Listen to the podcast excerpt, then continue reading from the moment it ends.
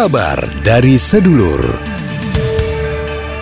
Sebuah kabar, sebuah tegur sapa, sebuah penyadaran dari seorang budayawan.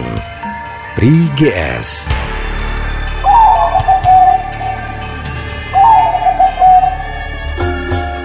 Sedulur-sedulur saya di mana pun Anda berada ketemu lagi dengan saya Pri GS di Kabar dari Sedulur.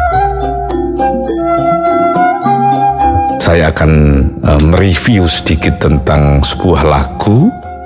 Yang lagu itu sebetulnya wataknya adalah puisi tetapi sebetulnya sebagai sebuah puisi otonom uh, ia mungkin biasa-biasa saja.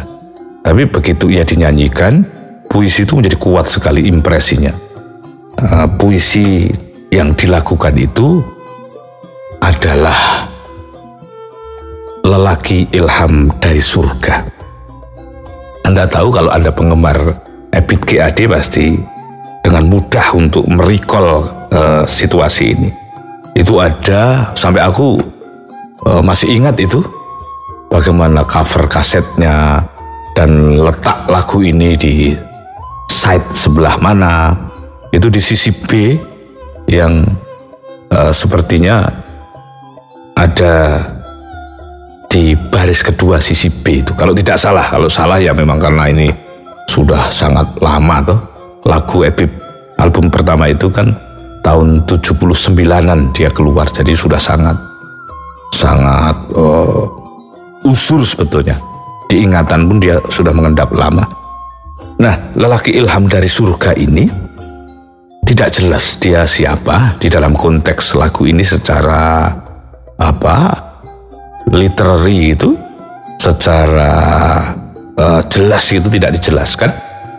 Disebut hanya watak-wataknya. Ia dikabarkan memang banyak berjalan dengan kakinya juga dengan punggungnya juga dengan tangannya juga dengan oh, anggota-anggota tubuh yang lain. Begitu tulis Ebit. Tetapi sebanyak-banyaknya ia berjalan dengan seluruhnya itu ia ternyata jauh lebih banyak berjalan dengan pikirannya. Itu lelaki ilham dari surga itu ciri-cirinya begitu, versi lagu ini. Terus ia uh, laki-laki yang kedatangannya itu membuat uh, semak-semak menyibak. Rumput-rumput menunduk. Walaupun tubuhnya penuh luka. Kenapa? Walaupun tubuhnya penuh luka, kalau, kalau dia datang kok semak saja menyibak, rumput-rumput e, merunduk dan gadis-gadis selalu menyapa. Karena ia tampan ternyata walaupun penuh luka. Dan ia tegap perkasa dari siapa pun dibanding siapa pun. Itu ciri-ciri lelaki ilham dari surga versi Ebit GAD. Terus laki e, laki-laki ini kata-katanya sulit dimengerti tapi anehnya, ia selalu terbukti. Watak lelaki ilham dari surga versi lagu ini. Nah, saya benar-benar sangat terimpresi oleh tokoh imajinasi yang dibangun oleh uh, lirik di lagu Ebit ini. Karena masing-masing dari kita memiliki patron-patron, memiliki pengidolaan kepada figur-figur tertentu yang kepada figur itulah kita ingin menjadi dan ingin berkualitas seperti figur-figur itu. Ebit berhak punya kerinduan, tetapi saya juga boleh punya kerinduan atas idola-idola saya sendiri. Idola saya sendiri itu tentu bisa menjadi idola Anda, idola kita semua, atau setidaknya idola sebagian orang, kalau tidak sebagian besar orang. Mungkin idola Anda, idola saya ini sering bersambungan di aspek-aspek tertentu. Watak-wataknya bisa sama dan sebangun. Misalnya dia baik hati, uh, idola saya baik hati, idola Anda baik hati. Jadi, oh, kesimpulannya kita cenderung mengidolakan pihak-pihak yang baik hati. Idola Anda gagah, idola saya gagah. Physically ya.